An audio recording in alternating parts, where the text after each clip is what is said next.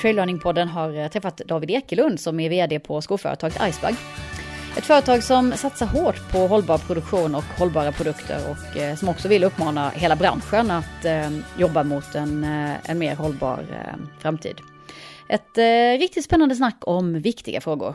Ja, dags för ett eh, nytt avsnitt av eh, Trailrunning-podden och eh, jag har fått eh, komma till eh, Icebergs huvudkontor i Jonsered.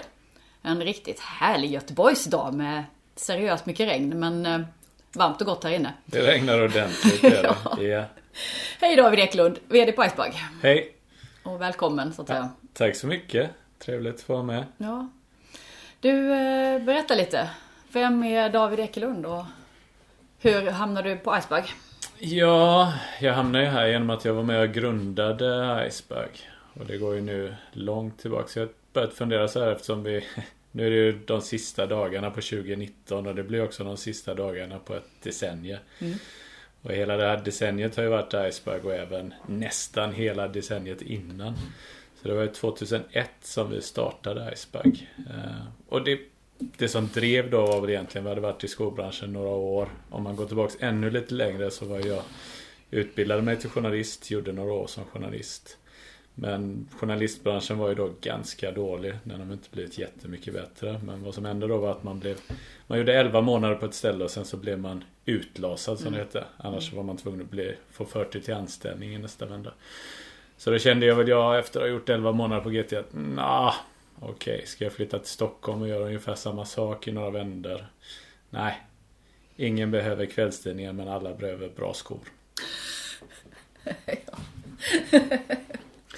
Och det är faktiskt fortfarande det som är liksom som kärnan i vår, ja. uh, vår, vår, vår affärsidé som vad erbjuder vi för, för värde till uh, människor egentligen. Och det är just göra bättre skor för människor som vill ta sig ut varje dag. Mm. Och där finns ju både, det finns ett stort spann där mellan de som verkligen tar sig ut varje dag och de som har den här liksom, aspirationen, driver framåt som, som vill ta sig ut men kanske inte kommer ut varje dag. Och det där är ju den här missionen att, uh, att få ut människor mer. Det är ju något mm. som alla outdoorföretag egentligen i någon utsträckning kan skriva under på. Mm. Men det vi har haft där som verkligen har satt ben på detta och gjort det här praktiskt. Det är ju att vi har tagit unika greppteknologier som inte har funnits tidigare till människor. Och på det sättet så kan vi vara med och transformera med den här buggrip teknologin med dubbarna som gör att man kan springa när det är isigt. Det gör ju att människor som kanske har sprungit ja, slutat springa på vintern eller gått in på löpandet att de blir vinterlöpare. Så den där transformationen, mm. det där att bli någonting annat och kanske till och med bli en bättre version av sig själv. Det skulle jag säga är kärnan i vad som driver mig och vem jag är. Mm. Och det gäller ju också mig själv. Mm. Du säger löpning. Eh, är du löpare själv från grunden fortfarande? Nej, jag, alltså jag är inte någon... Det har inte varit så att löpning kom först för mig och så Nej. startade vi Iceberg. Utan det har väl blivit så att jag alltid gillat att vara ute mycket. Eh, och när jag verkligen upptäckte traillöpning, det var då jag började gilla löpning på riktigt. Okay. Mm. För det påminner ganska mycket om uh, åka skidor off-pist som ju är det jag kanske gillar bäst, topptur och sådär. Uh, just den här frihetskänslan. Uh, man man får någonting att tänka på. Man blir helt absorberad i, i någon typ av flow där. Mm. När man, ja, det blir en, och det blir verkligen det där sköna flödet i, i, i löpningen. Så när, när, uh, när jag började med trailrunning så jag började verkligen gilla att springa. Mm. Och sen så har vi ju satt också, vi har ju satt kontoret här. Visst, det är, det är på ett väldigt regnigt ställe. Det är, så är det ju inte varje dag. Men det är också Nej. väldigt nära skogen. Och det var ju någonting när vi flyttade hit för tre år sedan när vi hade vuxit ur de gamla lokalerna. Mm. Då ville vi vara någonstans man kunde pendla nära till. Ett bra kontor som kunde visa varumärket. Men också ha den där närheten till, eh, till skogen. Och här är det verkligen bara två minuter från dörren ut till naturvårdsområde och jättefina trails. Jag har sprungit en hel del här uppe och det är helt fantastisk skog. Ja, det, ja nej, jag försöker. Den? Ja, ja, jag försöker verkligen komma ut mm. en, en stund varje dag. Mm. Eh, och sen egentligen, nu regnade det ju supermycket. Egentligen hade det varit skönare att göra den här eh, podden också som en skogspromenad. Men ja. det får vi ta nästa gång. Ja, vi får göra det. Jag får återvända någon gång i, i sommar eller någonting. ja. ja, men och sen, mm. nej men en, en, en vända i skogen varje dag. Ja. Kanske inte löpning, ibland blir det promenad. Och mm. Även försöker ta de mesta mötena på det sättet. De mm. avstämningar jag har brukar jag köra som ja, walk and talk eller mm. som en promenad. Det Ger det något annat än att sitta i ett mötesrum? Framförallt så får man ju frisk luft och kommer ut. Mm. Sen blir det ju lite, lite lugnare och det är ofta, och också ganska ofta lättare att ha vissa typer av samtal om man sitter, sitter och stirrar på varandra. Mm. Och sen så får ju också, man får bort datorer och skärmar och då blir det verkligen prata. Mm. Det sägs ju att man om man ska komma fram till saker gemensamt så ska man inte sitta så här mitt emot varandra utan då ska man sitta bredvid varandra eller gå bredvid varandra. Ja det men det kan nog... Jag läste om det någon gång. Det tror jag absolut ja. det kan ligga en hel del i. Mm. Det blir skönare samtal på det mm. sättet. Det, det, tycker jag absolut. Ja. Och så är det skönare att röra på sig än att sitta still. Mm. Generellt. Alltid. Ja. ja. Du säger unik greppteknologi som Icebug eh, införde i både löpning och i walkingskor då som ni är stora på. Ja precis. Mm. Och då var ju det vi började bygga varumärket kring. Det var ju de här dubbarna. Eh, mm. Som är dynamiska så de kan röra sig in och ut i sulan. Vilket innebär att de greppar på allt ifrån eh, från eh, asfalt till ren is. Mm. Och då pratar vi metalldubbar? Ja mm. precis. Det är en en topp av karbidstål som är 4-5 gånger hårdare än vanligt stål. Så det är också Oj. i princip outslitligt. Samma typ av dubbar som sitter i dubbdäck på bilar. Ja, det, den där teknologin, det, det är det som blir den väldigt starka återkopplingen som har gjort att vi liksom har kunnat göra den här resan från början. Att väldigt många användare de återkopplade till oss när, när kanske inte branschen trodde på oss särskilt mycket att det här mm. verkligen var någon grej. För när vi började så var ju feedbacken väldigt tydlig. Det här var en superliten nisch. Och dubbar var bara, eller broddar var bara för pensionärer. Ja det var, det, det såg som broddar då ja, egentligen absolut. när ni uh, satte det i skorna. hur, hur kom ni på idén? Vi hittade faktiskt, den fanns ju den här teknologin. Det var en kanadensisk triatlet som hade utvecklat den eh, i sin egen gummifabrik i Montreal. För han hade problemet att han inte kunde träna på vintern. Nej. Så han hade utvecklat en ganska ja, rudimentär sko får man säga som mm. faktiskt var testad i Runners World i USA. Så den fanns ju där och alla hade kunnat plocka upp den. Mm. Men vi såg att det där det löser inte bara det som är liksom de vanliga problemen med, med produkter för vintern och hålla fötterna varma och torra. Utan det löser också det som egentligen är det största ja. problemet, mm. att man halkar. Mm. Det var ju vår ingång i när vi började med det. Och där fick vi ju just den där återkopplingen både då från eh, löpare som sa att det var fantastiskt att kunna springa sina vanliga runder på vintern. Mm.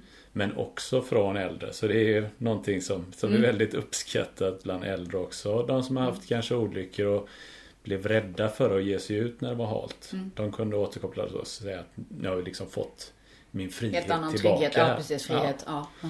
Man vågar gå ut. Det är också en väldigt stor sak om man har eh, promenad som sin huvudsakliga motionsform. Mm. Att inte bara den klipps eh, två, tre, fyra månader per år. Nej, precis. Mm.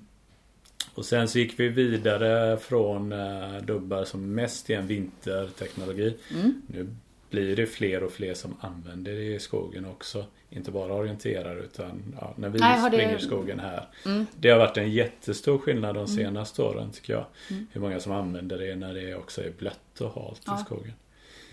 Eh, men förutom det så utvecklade vi eh, tillsammans med våra leverantörer i Asien då det här Rubber 9X som är ett greppgummi som verkligen flyttade fram eh, vad ett greppgummi kan göra. För det mm. kombinerade väldigt hög friktion på våta underlag med eh, vara väldigt slitstarkt. Mm. Generellt så är det, det är liksom den eh, kompromissen man får göra med gummi. Antingen så är det väldigt mjukt, slits väldigt fort och ger högt grepp. Ja, mm. Eller också så är det hårt eh, har hög slitstyrka men blir väldigt halt på, på vårt underlag. Mm. Så det Rubber 9 det kombinerar de där två. Mm. Och det är det som ni har på de skorna som inte har metalldubb då? Ja, precis. Mm. Och sen i vissa fall för ett, en gummiblandning den greppar ju på hårdare underlag kan man säga. Mm. För mjuka underlag och där man har det här problemet med lera där man har flera lager som mm. binder i varandra och glider på varandra. Ja. Där hjälper ju liksom inte friktion med ytskiktet särskilt mycket. Mm, så då har vi också utvecklat en, en, en ett mönster i sulan som är en typ av mm, traktormönster. Det. Mm. det. är därför de också på våra skor som är gjorda för, eh, för eh, lera så sitter ju de här klitsen i lite större eh, sjok Funkar, blir det som kanaler då som ska Precis, det är grejen ja. att man vill, inte, man vill inte bara greppa det översta lagret i lera mm. utan man vill liksom trycka ut åt sidorna och binda flera lager. Aha, så okay. får man väldigt mycket bättre grepp. Mm. Mm. Hur stor del är löparskor kontra promenadskor? Ja men löparskor är ju ungefär Det beror lite på vilken marknad vi är men mellan någonstans mellan 30 och 50 procent. Så hälften, upp till hälften är löpning. På en del ställen ännu mer. Men här är vi, i Skandinavien så är vi väldigt, väldigt stora som promenadskor. Särskilt mm. om man ser från ja, man, Oslo, Stockholm, Helsingfors och norrut egentligen. Mm. Där är vi väldigt, väldigt dominanta i mm. det segmentet. Det där är riktigt relevant. Och... Ja. Mm. Sen så när vi rör oss lite bort från det utomlands och även eh, vår sommar då är löp, löpningen en mycket större del av vad vi gör. Okay. Mm. Säljer ni globalt? Ja, jo, i någon mån gör vi det. Eh, absolut. Så vi har ju dotterbolag i USA och Tyskland och de gör tyska österrikiska marknaden. Sen så är vi på några ställen i Asien, eh, lite i Japan och, och Hongkong framförallt. Okay. Mm. Och sen, ja men vi finns på de flesta ställen men i, i ganska mycket tillväxtfas i, i nuläget. Mm. Hur, mycket, hur många är ni som sitter? Är, finns, har ni fler kontor? Eller är det detta? Nej, vi har eh, här eh, är vi, där är ju huvudkontoret. Så här sitter vi med lite knappt 30 stycken. Och sen så har vi eh, ett, ett kontor i München och ett i nordvästra USA. Okay. Mm. Och sen så har vi några anställda i Asien också. Där vi har det mesta av produktutveckling. Fysisk produktutveckling och produktion. Okay. Ja, kan du inte berätta lite? Ni har ju faktiskt gått ut och sagt att ni är världens första klimatpositiva outdoor-skoföretag. Ja. Fick jag den rätt? Ja, ja, det var många ord där. ja, eh, så för att sätta det. Det var väl egentligen både det första klimatpositiva skomärket och okay. outdoor-märket där. Okay. Mm. Men eh, vi, vi nischade liksom in det till att bli det första klimatpositiva outdoor-skomärket. Så vi liksom skulle lämna den här, det första Outer Apparel-märket och det första ja, okay. mm. sportskomärket. Ja. Så man kan få fler med på tåget. För det är egentligen ganska ointressant vad bara vi gör eftersom vi är rätt små. Mm. Vad vi alltid tittar på i hållbarhet är hur kan vi få ut maxeffekt av det och ställa, mm. vara en del som en katalysator och, och, och, en ledare i den här omställningen till mm till ett helt hållbart sätt att göra affärer i ett hållbart samhälle som håller sig inom eh, de planetära gränserna. Och då vill inte vi ta allt. Vi gör det inte för att vi ska kunna ha så bra varumärksposition som, som möjligt. Utan vi, vi vill visa att men med eh, ett väldigt starkt hållbarhetsarbete så kan man eh, göra bra affärer. Och på det sättet om det blir framgångsrikt så får vi en mycket snabbare påverkan på, på andra också. Mm. Hur går det till? Vi pratar, alltså, just produktutveckling. Eh, berätta från början hur hållbarhetsaspekten finns med i, i jobbet. Det, man kan säga att det är ju egentligen som en, eh, som en eh, pyramid. Där själva basen den handlar om att göra produkter som människor verkligen behöver. Mm. Produkter mm. eller tjänster. Mm. För gör man inte det så spelar det inte någon roll hur hållbart man gör dem. Sådär, basen, produkter eh, som människor verkligen behöver. Mm. Det är alltid den centrala frågan eh, vi frågar oss då när vi eh, ska göra en ny sko. Mm. Varför gör vi den här skon? Mm. Sen i nästa nivå, eftersom den absolut största delen av vår negativa påverkan Den sker i produktion. Vi har ju inte massa tvätt och så av skor eller Nej. sådär att man behöver använda mm. energi eller bensin för att använda våra produkter. Så den absolut största påverkan den sker i produktion. Mm. Så det innebär ju det att om man ska få en bra hållbarhetskalkyl så behöver vi göra produkter också som människor vill ha så länge som möjligt. Ja. Och det är ju flera aspekter som går in i det. En är att de faktiskt ska hålla Ja. slitstyrkan. Mm. Och en annan är att de ska vara sköna och de ska ge den performance, vad heter nu det på svenska? De, de ska Ja. göra det jobbet som man Ja. vill att de gör. Precis. Och vara sköna. Mm. Och också helst, eh, eller inte helst, de ska också vara snygga. För uh, saker man gillar kommer man använda mer. Mm. Så det är liksom nivå två. Mm. Man ska vilja och kunna använda dem så länge som möjligt. Mm. Sen så kommer vi till nivå tre där. Och den handlar om eh, att minimera negativ påverkan i produktion. Och då är ju eh, olika klimatgaser, eh, det är ju en aspekt av det. Sen så finns ju också vattenavvändning. Mm. Äh, vatt, vattenanvändning. Vi har, det är mycket kemikalier och limmer i skobranschen. Mm. Det skapas mycket spill.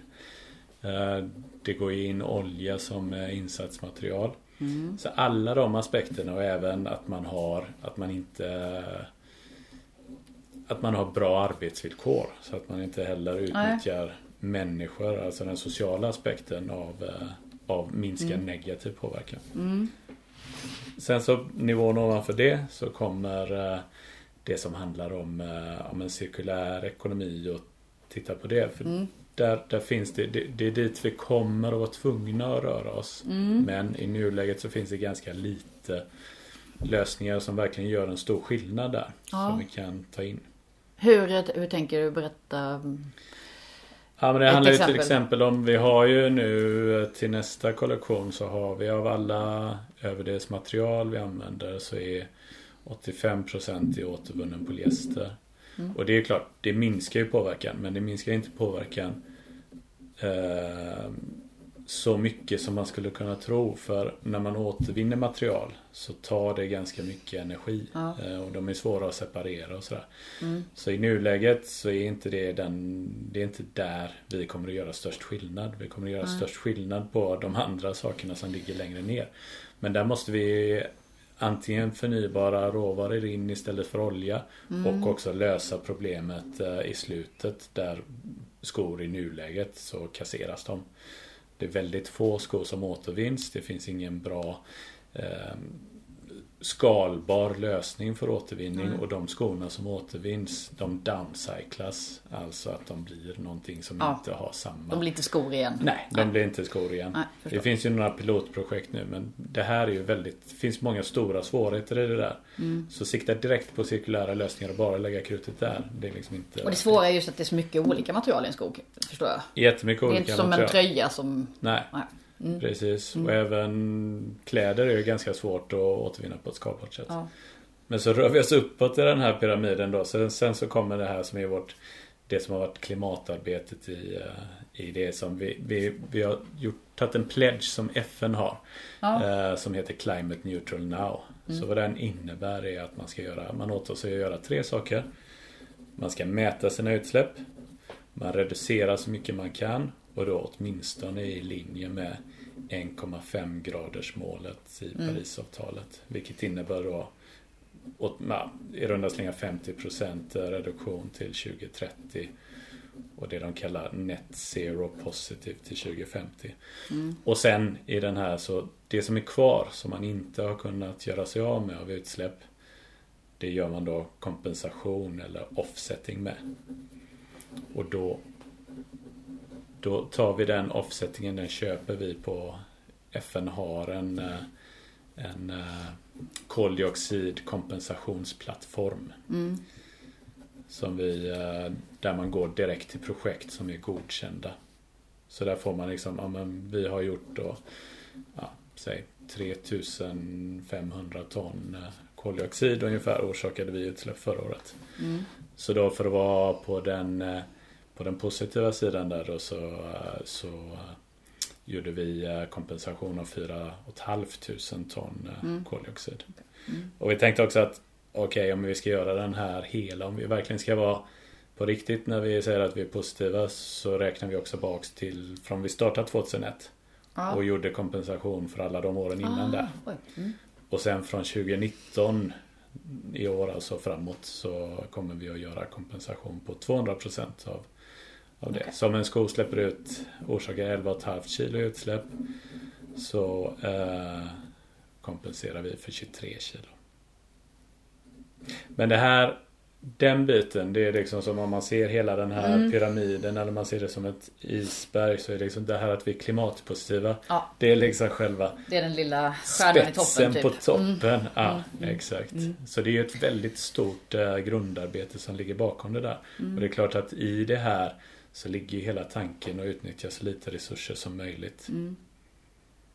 Eh, Jag vet inte, ibland kan man uppleva att det finns en sån här eh, man köper sig fri genom den här klimatkompenseringen och sen så fortsätter man lite som innan. Absolut. Mm. Och, det, och det är väldigt intressant för speciellt på den här FNs uh, offsetting-plattform så är det Mm. ju extremt billigt och det beror ju på att det finns Ah. Där gör man, det, det är något som heter Clean Development Mechanism som ligger i botten på den här.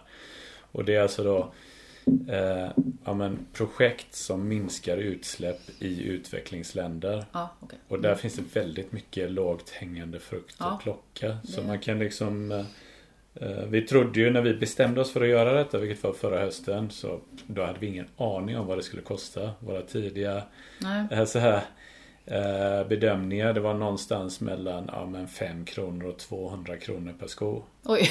Och det är det är ganska skillnad. stor skillnad. Ja. Men när vi väl hade eh, gått igenom det så såg vi att om, om vi, det vi räknar fram, vilket verkar rimligt också när vi tittar på livscykelanalyser från andra skotillverkare. Mm. I den mån det finns, det är ganska klent med det. Eh, Så verkar det rimligt. Och om vi tittar på vad priset på, för på den här sajten då, eller hos FN kan man göra offsetting för ja, men en dollar per ton.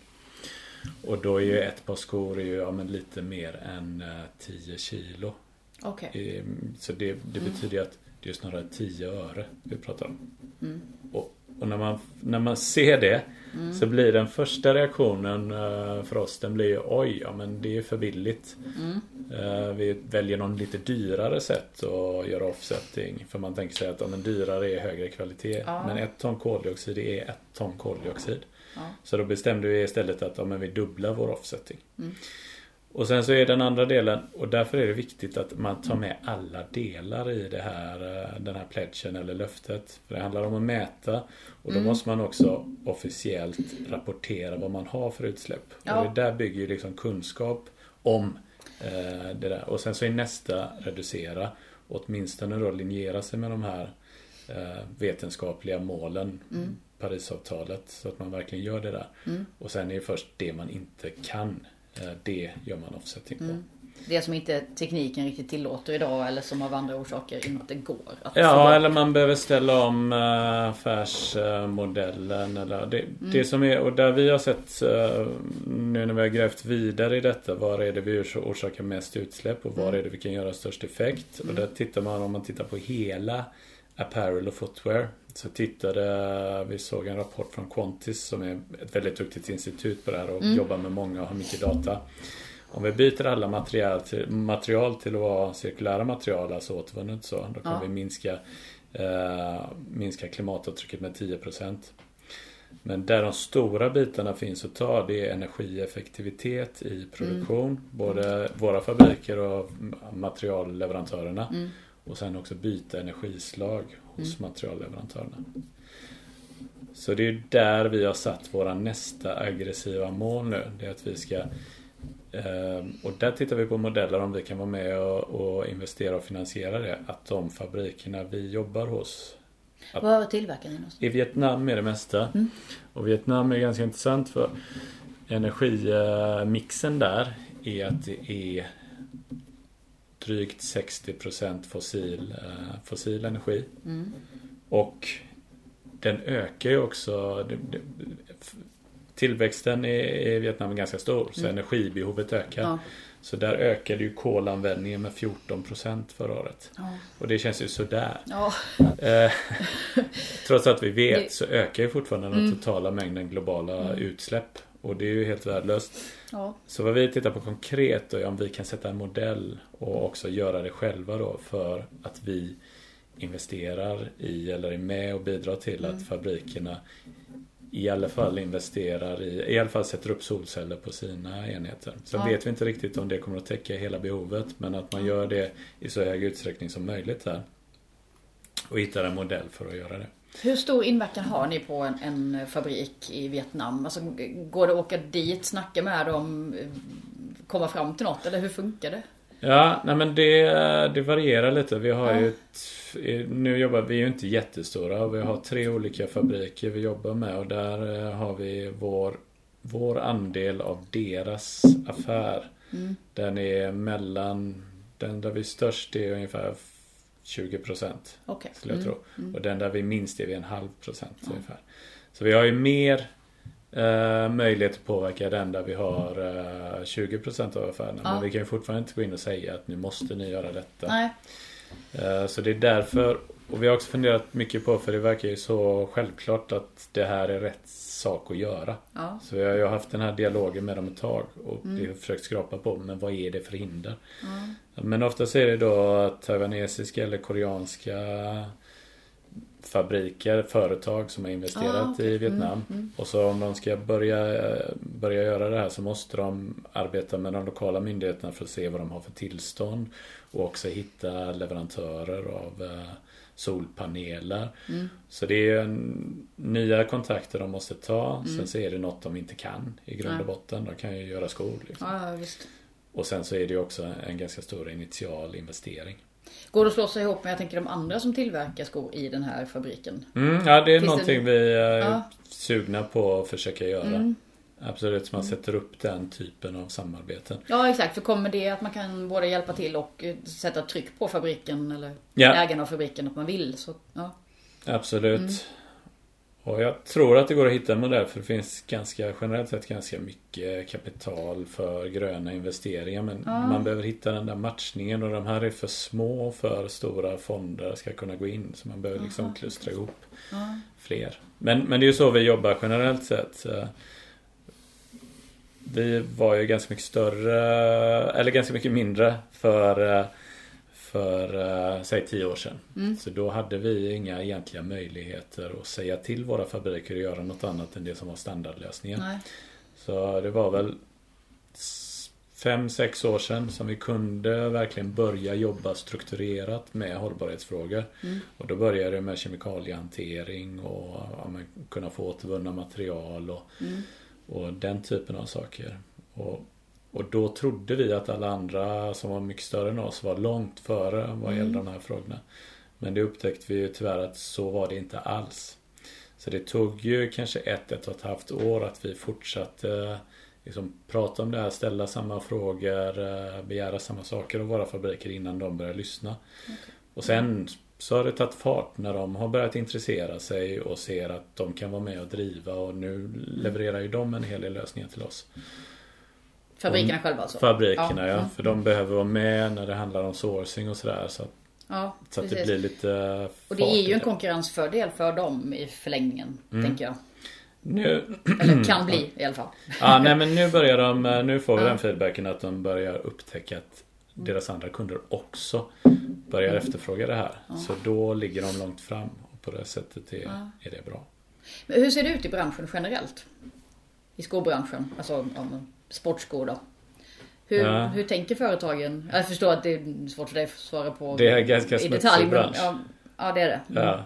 ja, det är bara att se, alltså den har ju gått under radarn på ett helt annat sätt än vad, vad klädbranschen har gjort. Ja, exakt. Fast precis. den egentligen är... Det är klart, bomull är ett jätte, jätte, jättestort problem. Mm. Men det finns massor av problem med skor som Mm. inte apparelbranschen har. Som folk känner väldigt lite till om. Mm. Så den är smutsig Mm. och det finns ganska lite insyn i det. Mm. Och på det sättet så finns det ju också när man ser en sko på väggen så då är det väldigt, väldigt svårt att veta om en har gjorts Mm. på, med hållbara val genom hela processen eller den inte har gjort det. Så därför vill vi också, det försöker vi med på vår hemsida, vara väldigt transparenta med vad vi gör. Mm. Och på det sättet också försöka höja den generella nivån på kunskap så att man kan börja ställa rätt frågor och börja ställa krav på, inte bara på oss utan på sina andra favoritskomärken. Så att man kan få få lite momentum i den här omställningen. För det är också så, om man ser riktigt stora företag så tänker man ju så ofta att ja, men det där är ett, en enhet. Men i praktiken så är det ju så att även de är organisationer med massor av olika människor som kanske driver lite olika agendor. Om man då har de som eh, vill driva de där varumärkena mot, mot större hållbarhet. Om kunderna kommer och frå- efterfrågar hållbarhet så får ju de en mycket eh, bättre position att driva hållbarhet inför Ja, företaget. exakt. För att oftast är det ju det du blir eh, mätt på som eh, i ett företag som anställd eller chef eller vad du är. Som är det som styr din agenda. Ja, ja det, Så man mäter ju på en massa sådana olika saker, ja, men det är Ja. sådana saker som måste in mer. Är det Ja. så? Att man behöver liksom... Man kan väl i alla fall säga att de flesta är väldigt intresserade av att lyssna på sina kunder. Ja, exakt. Så om kunderna efterfrågar mer hållbarhet så kommer det att hamna högre upp på agendan och då kommer förändringen att drivas snabbare. Ja, på tal om att lyssna på sina kunder. Ni drog här för en vecka sedan va? Är igång en eh, crowdfunding-kampanj. Ja, för precis. att tillverka en eh, riktigt hållbar sko. Berätta om bakgrunden till att ni drog igång det. Alltså bakgrunden är egentligen inte att vi gör någonting som är sådär fantastiskt mycket mer eh, hållbart än eh, det andra vi gör. Okej. Utan det här är som en... I det här pågående arbetet så har vi nu med den här skon liksom hunnit jobba igenom alla delar av eh, skon. Okej, det är Så- det som är skillnaden. Det är det som är skillnaden mot vad vi har. Vi har. Det har varit en stegvis process under två, tre säsonger. Och det är också det här, vi vill jobba med maximal eh, effekt. Så därför jobbar vi ganska lite med specialprojekt. eh, Vad gäller hållbarhet. Utan vi försöker liksom först ta de materialen vi använder mest. För där kommer det få störst effekt. Eh, Så, så det här är den mest hållbara trailrunning-skon som kommer ut på marknaden för SS20. Men den är ju inte ljusår före allt annat vi kommer att ha Som SS20. ni gör. Vår 20. För att där använder vi, försöker vi använda samma saker och det vi lär oss och få ut det så snabbt som möjligt. Den stora saken här egentligen som vi försöker göra är att vi tänker att det finns ett stort, eh, ett stort intresse från slutanvändare. Framförallt om man är intresserad av outdoor, natur, trailrunning. Då vill man ha produkter som har en mindre negativ eh, miljöpåverkan. Men den, vi får inte riktigt igenom det där med våra återförsäljare. Nej, Så det, där finns ju en tröghet i det återförsäljarledet. Så det vi egentligen vill göra med Kickstarter Det är att vi vill visa, okej det finns verkligen ett riktigt stort behov Där ute från slutanvändare för eh, Någonting som är det mest hållbara som finns just nu. Det du menar är att återförsäljaren inte eh, riktigt är övertygade om att de kommer kunna sälja skon om de köper in den. Exakt.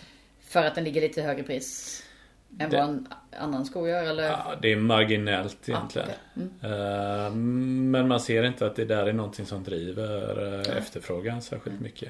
Och får man in det där, det här handlar ju också om att försöka gå tillbaks till det där eh, Skapa maximalt eh, momentum och på det här sättet försöka använda någon typ av eh, affärslogik. Ser man att ja, men, de här gör ett väldigt ett projekt av att göra en väldigt hållbar sko och den får stort kommersiellt genomslag. Då kommer ju det där mycket snabbare att påverka resten av branschen till att höja hållbarhetsnivå. Med sånt som redan går att göra. För allt det vi gör i den här skon redovisar vi väldigt öppet och det där går liksom att plocka in eh, för vilken tillverkare som helst redan nu. Vad är det som är unikt med själva skon? Det är, det är kombinationen av alla saker vi har jobbat igenom då. Så sulan är 15% återvunnet gummi och det är ju inte supermycket. Men det är den nivån som vi kan ha utan att eh, slitstyrkan i gummit droppar ganska snabbt. Så det har vi Okej. testat ut eh, ganska ordentligt. Sen så mellansulan blandar vi in 20% eh, bloom foam. Som, och det är alltså biomassa eh, som är alger från eh, övergödda sjöar. Så där får man en slags dubbel effekt. Ah, Man eh, renar vattnet i de här sjöarna och så får man biomassa som man kan ersätta olja med i skor. Och det, alltså, det blir som ett plastmaterial kan man säga då? Liknande Ja. egenskaper eller vad? Ja precis, det blandas ju med EVAn. Det är, det är dämpning Det är mellan, i, det är eh, dämpningen precis, precis. Så det är en polymer. eh, Om man ska vara lite mer teknisk. Mm. Eh, absolut. Och där är också 20% den nivån vi har kunnat se att vi kan ha inblandning utan att materialet slits eh, ut starkare eller snabbare. Eh, och sen överdelen är ju återvunnen polyester som då är med en med en, eh, ett sätt att färga in som är en print istället för att man badar det i sådana här stora färgbad. Ah, okej. Som också är väldigt mycket mindre miljöpåverkan. Eh, Och sen så har vi ingen PFC i överdelen och så är den ju också 200% klimatkompenserad på topp då. Så det här sammantaget eh, gör att vi Ja men vi hävdar och där vill vi gärna utmanas för det här är ju första iterationen av eh, den mest hållbara trailrunning-skon just nu. Ja. Och vi, vill inte, vi är inte nöjda här. Så vi vill gärna ha utmaningar på men här finns det en lösning som är bättre för sula eller mellansula. Här kan det komma upp i 30% eller eh, så Ja, vidare. Mm. absolut. Drömmen hade ju varit att kunna göra um, både sula och mellansula av cellulosa till exempel. Mm, Den okej. typen av lösningar. Ja. Så att man istället för olja som eh, det huvudmaterialet kan man gå in med med någonting annat. Men där får man ju också Mm. titta på hur mycket kemikalier de processerna kräver och hur mycket energi de processerna kräver så att verkligen totalen blir eh, blir bättre på hållbarhetskontot. Alltså det här är ju väldigt komplexa frågor. Hur Ja. mycket tid ägnar du åt? Alltså det här är ju något man kan jobba heltid med, bara det här. Ja, Eller? ja Har absolut. ja. Ja, men och det blir också, det är väldigt tydligt att vi särskiljer egentligen inte hållbarhetsarbete det andra arbetet. Men Nej. det blir som en extra dimension eh, när man jobbar på ett ja, ambitiöst sätt med hållbarhet. Mm. Ja, det kräver kunskap och... Så jag gissar att i varierande grad för de som jobbar här så eh, adderar det väl någonstans mellan 10 och 50 procent eh, mer jobb på samma typ av jobb. Och absolut mest då tidigt där det handlar om materialutveckling och, och materialval. Sen så är jag också Alltså jag försöker använda personligen och- med Iceberg så försöker vi också Vi försöker ställa Iceberg i tjänst för att driva den här transformationen. Så vi försöker göra saker med Iceberg som vi kan använda som exempel för att driva branschen. Okej. Mm, mm. Så där har jag varit ute och pratat en hel del och försökt utmana om det här med Climate Neutral Now. Till exempel.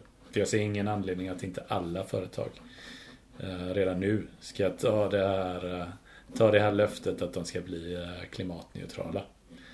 För det, det borde vara inte någonting som bara några få gör här och där utan bara som en, ja men det här är den understa ribban som man behöver ta sig över för att, att man tar någon typ av ansvar för, eh, för klimatkrisen.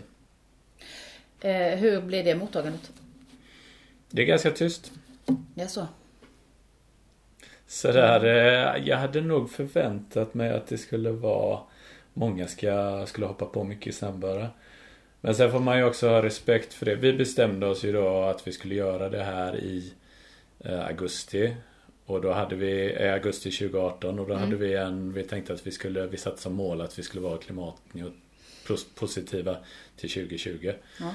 Eh, Men när vi väl hade fått fram vad är faktiskt våra utsläpp, få en tillräckligt bra bild av det Ja. och eh, vad kostar det att göra offsetting så såg vi att men det finns ju ingen anledning att inte göra det här redan för 2018. Mm, Men då hade vi redan gjort ett ganska stort arbete innan under Ja. flera år som gjorde att vi har mm, Hållbarhetsarbete är väldigt, väldigt mycket data det är väldigt Mm. mycket samla ihop och, och skaffa sig insyn eh, Ja. i ställen eh, längre upp i, vi har ju en, eh, en leverantörskedja som är 5, 6, 7 steg Mm. så man behöver liksom jobba sig bakåt i den där. Mm. Så det är klart, det är lite läskigt om man inte har superkoll på sin leverantörskedja. Det är ganska mycket jobb att skaffa sig koll över vilka utsläpp, även om man har koll på leverantörskedjan. Få alla att och eh, ge en de data man behöver för att kunna beräkna utsläppen. Så det, det är ett stort jobb. Eh, Men sen så är ju det vi har avslöjat där, när du väl landar där. Det är inte speciellt dyrt för ett företag att i alla fall ta den här eh, och, och ta ansvar för de Nej. utsläppen man har nu. Sen behöver man ju också ta de här ta ansvaret för hur man kapar sina utsläpp med 50% Ja. de närmsta 10 åren. Mm. Men det kommer man ju ändå behöva göra. Jag kan inte tänka mig att det finns eh, några starka varumärken kvar särskilt länge till som inte kan svara på ett, Vad orsakar vi för utsläpp? Mm. Två, Hur ska vi se till att, att de här utsläppen minskar så mycket så vi har en rimlig chans Mm. att klara av att leva på den här planeten? Och tre, hur, vad tar vi för ansvar för de utsläppen vi orsakar nu? Mm. Och tänker man sig att man måste kunna svara på de tre frågorna då är det lika bra att ta den här Climate Neutral Now pledgen För det är precis vad den handlar om. Mm. Mm. Hur går kampanjen nu då? Jo men den har gått Förstår. bra. Den, eh, det var bra, det har varit bra fart i början här. Sen så är ju faktiskt eh, vårt huvudmål, vi har haft bra fart i Sverige än så länge. Och Mm. Det är klart, här är vi mest kända och har, vi har störst outreach. Vad vi egentligen haft som internt huvudmål, det är ju att den här ska få fart i, i USA. Ja, okej. Och det har varit lite långsamt eh, än så länge. Mm. Men där tittar vi på det, det är också ett sätt för oss att lära oss. Det är ett test verkligen. Mm. Är det här ett, ett möjligt sätt att komma ut med, med saker som pushar hållbarhetsagendan framåt? Mm. Eh, Så det är väldigt intressant, lärorikt också hur vi kan jobba med den här typen av, eh, av eh, projekt internt. Mm. För att få in en... Ja men komma närmare användarna tidigare i kedjan för att testa. Men de här, de här sakerna som vi tror, håller det verkligen? Mm. Och där kommer man tillbaks till det här. Eh, göra produkter som människor verkligen behöver. Mm. Det, det, I vår värld så är fortfarande beviset på det på något sätt. Ur ett affärsmässigt perspektiv. Det är att de faktiskt också vill köpa de produkterna. Ja, för det där är ju en, en tycker jag, en intressant mm, diskussion. Det är ju ändå konsumtion vi pratar om på något sätt. Eh, Absolut. Ja, kontra hållbarheten. Det bästa kanske är att springa barfota. Ja, Om än lite svårt, ofta. Eh, hur tänker du kring det? nej jag är med, men det är helt sant. Och där eh, handlar det om att inte eh, skapa behov egentligen. Mm. Alltså, det är ju så att i vårt klimat så behöver ju de flesta skor. Mm. Och det är få också som är eh, byggda för att verkligen klara av att springa helt eh, barfota. Mm. Sen finns ju en Det finns ju faktiskt som löpare en anledning att ha några olika par skor också. Mm. Och det är inte minst den, enda riktigt relevanta eller tillförlitliga forskningen jag har sett om hur man hur man eh, förebygger skador det är att byta skor ibland. Ja. Så att man inte Mm. alltid springer i samma skor. Så där finns ju en anledning att ha några fler skor. Mm. Sen sliter man ju också skor mindre om man har flera par man alternerar mellan Mm. eller om man använder samma par varje dag. Mm. Så får man en ökad livslängd även i antal timmar för den skon. Ja, det är så? Ja, Okej. så materialen får vila sig lite Ah, emellan. ja, okej. Mm. Men sen är det, det, det är konsumtion. Det är resurser som eh, konsumeras. Mm. Så där får man ju se till att försöka vända, alltså ha, ta det steg för steg. Mm. Eh, Så länge som folk behöver skor.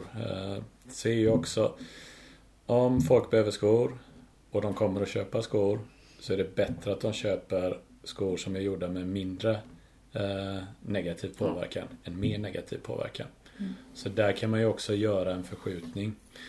Och om man tittar på den här Earth Overshoot Day eller den ekonomiska eller den ekologiska skuldens dag som det kallas på svenska. Ja. Som är den dag på året där vi har förbrukat de resurser som planeten kan återskapa. Mm. Så inträffar ju den eh, i år 29 juli. Mm.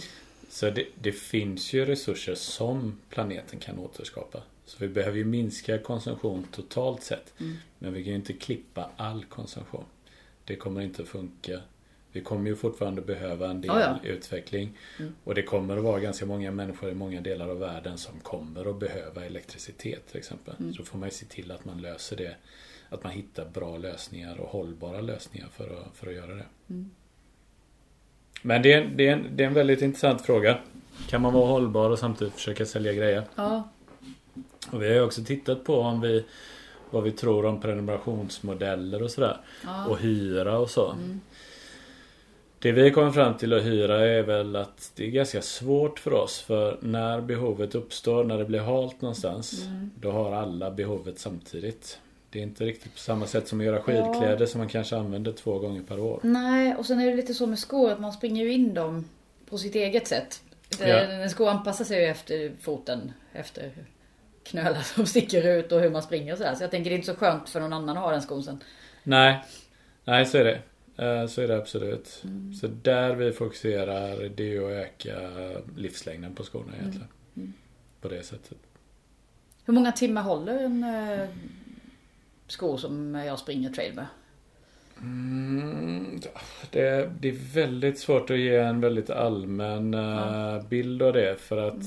det vi ser är att folk, eh, olika löpare sliter ju skor så otroligt olika. Ja, okej. mm. Eh, Men generellt sett så finns det ju en, en riktlinje som, som man minst ska hålla och det är väl att de ska hålla 100, 100 mil. Så vid skor kanske det blir en, en 100 timmar. Mm.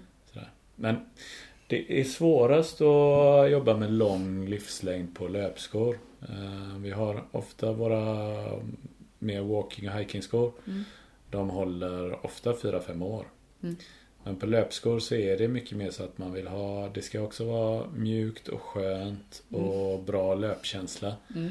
Vilket gör att det hade varit lätt att göra en löpsko som höll lika länge men då hade ingen velat springa i den. Och då kan man också fråga sig vad poängen är. Ja. Så det finns, det, det är en komplex fråga. Mm. Det är många saker vi behöver lära oss med hållbarhet. Eh, Och det tycker jag är kul. Det är kul att lära sig nya saker. Mm. Så det ska man inte vara, vara rädd för egentligen. Men, men vi kan heller inte ha den här förväntan vilken verkar finnas ibland. Oj, nu säger man det och så måste man balansera med det. Ja men det är klart. När det gäller hållbarhet så kan vi ganska lite, eller många kan ganska lite än så Mm. länge. Så det är verkligen någonting vi behöver lära oss. Vi kan inte räkna med att vi kommer att veta det direkt. Nej, det kan väl mycket väl visa sig att vissa saker man har gjort är fel fast man har gjort det i god tro. Ja, absolut. Det, det ser man ju redan många exempel på. Vad ser du Icebag om fem år? Vad är målet? Ja men målet är ju att, att växa i relevans.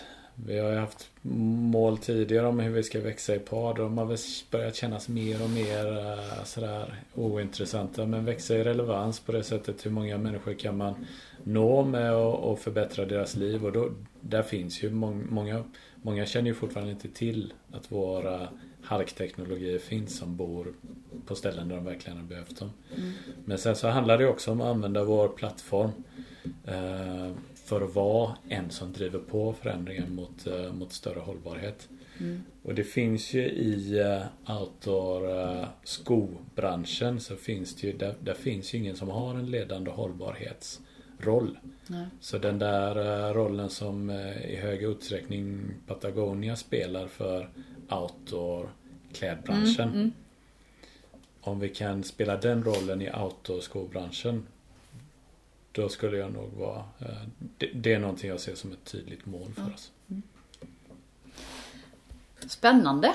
Ja, Ja, stort tack tack så mycket. ett intressant snack. Och eh, lycka till! Ja, det kan behövas.